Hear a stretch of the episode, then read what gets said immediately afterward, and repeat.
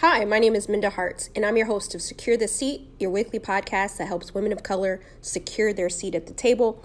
And it's not about getting our seat at the table and leaving people behind, it's about bringing other women of color along for the ride with us. And if you work somewhere where you are lucky to have some women that look like you at the table, what are you doing to help others that might intersect at different identities than you? I mean, it's up to us to also be success partners.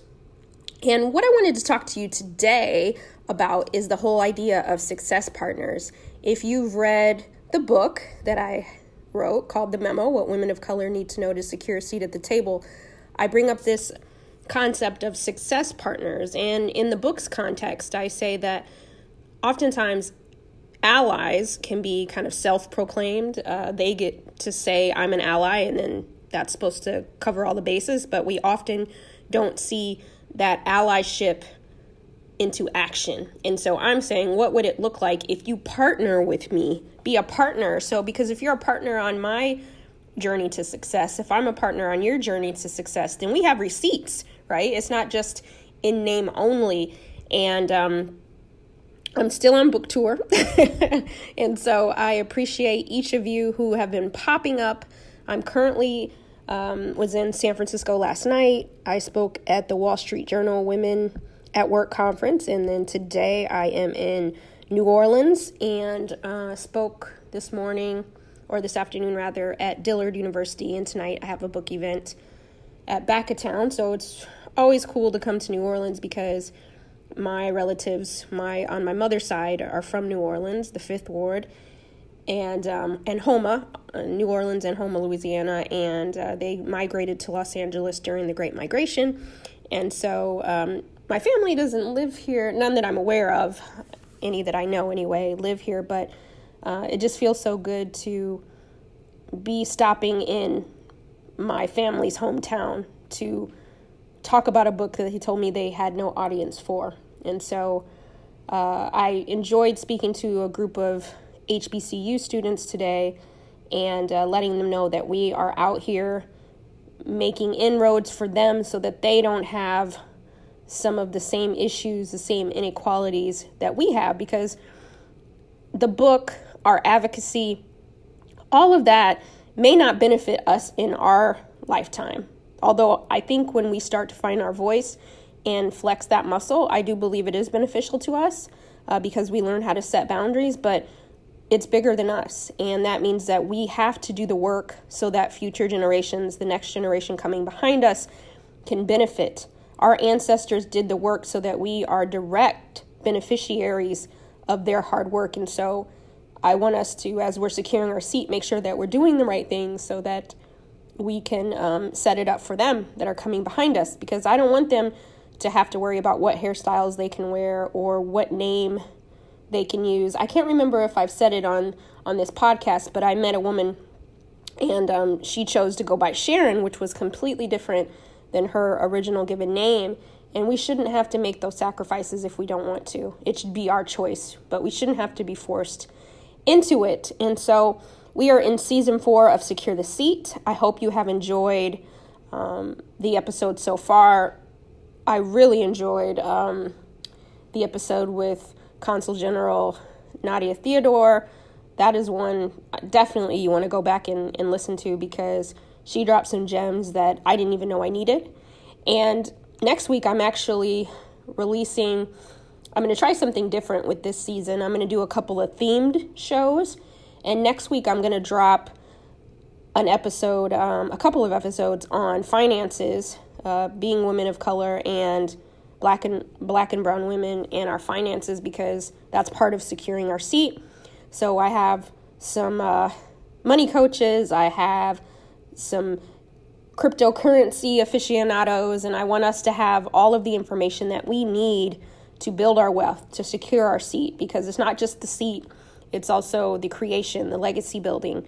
And so in today's episode, uh, we're going to do a heart to heart, and I want to talk about success partners. And um, there was a story that um, was told to me on the road, and a, a young woman works at a very popular company, and her boss said something to the effect of, and it really pains me to even say it again, is that he said that, oh, so and so doesn't matter because my ancestors were good to their slaves. When is that ever appropriate to say in the workplace? It, it never is. It's really not appropriate to say anywhere. But being the only one having to deal with that and her other coworkers, even though they did not say it, they laughed, they key-keyed.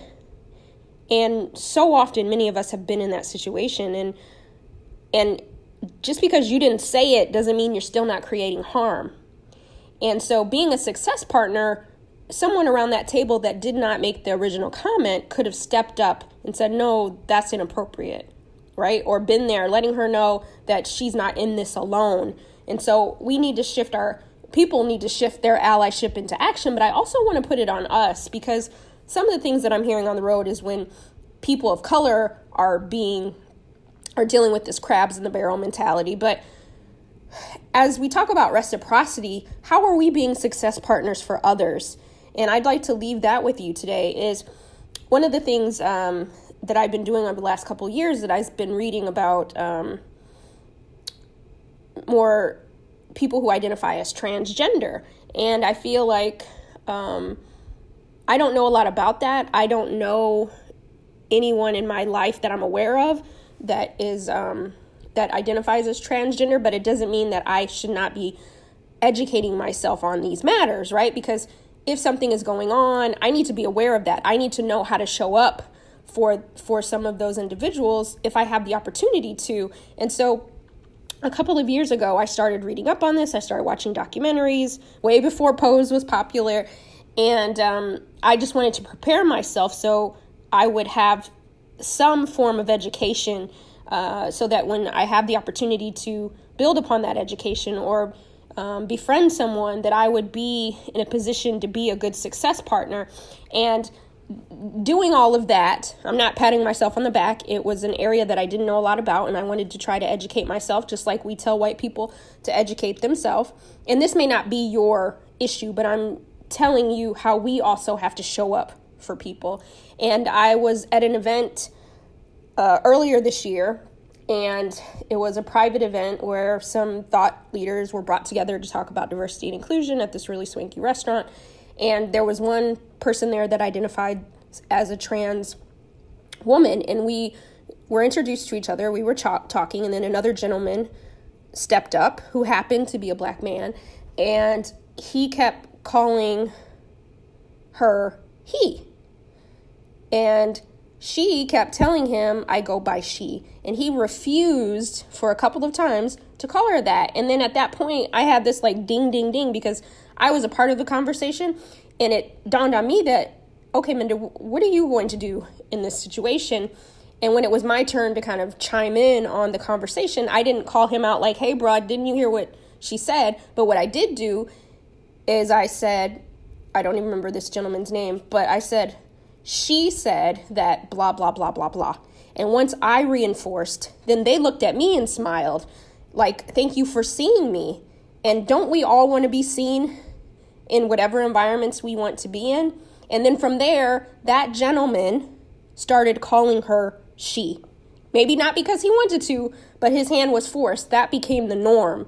And so I tell you that because we're all a work in progress. But if you see that there's areas in your life that you could be a better success partner for others because how do we make the workplace equitable?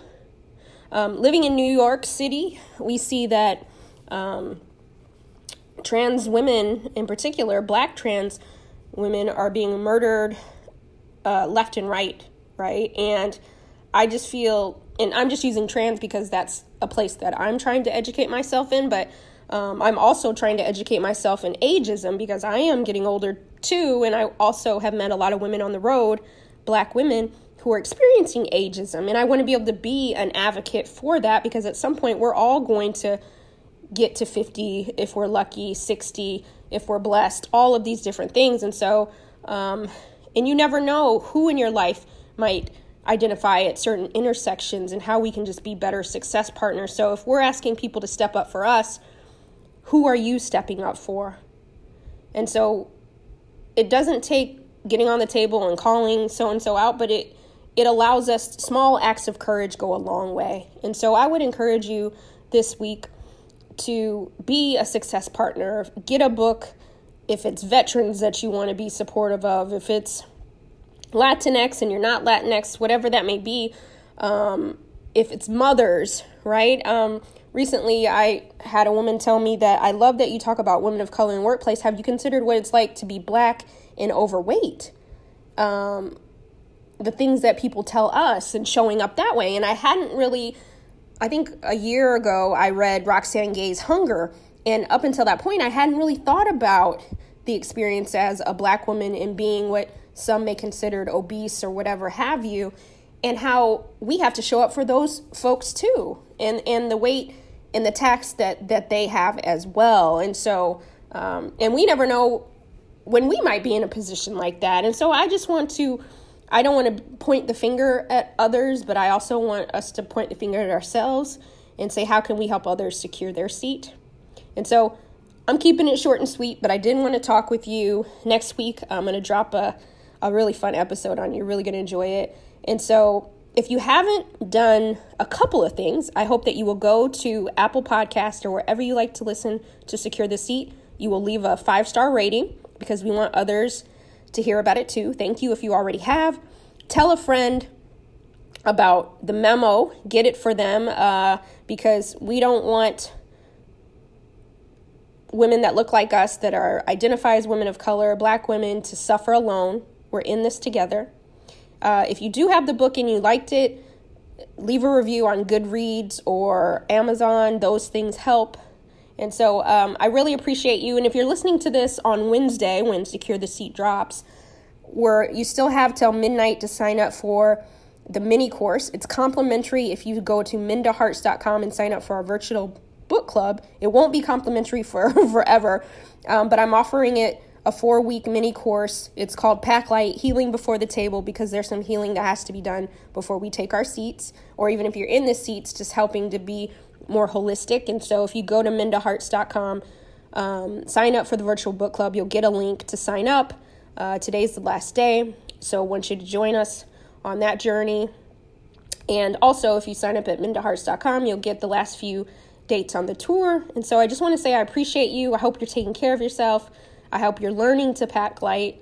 And um, remember to, se- to keep securing your seat. It's not just about us, it's for the next generation. Have a great rest of your week.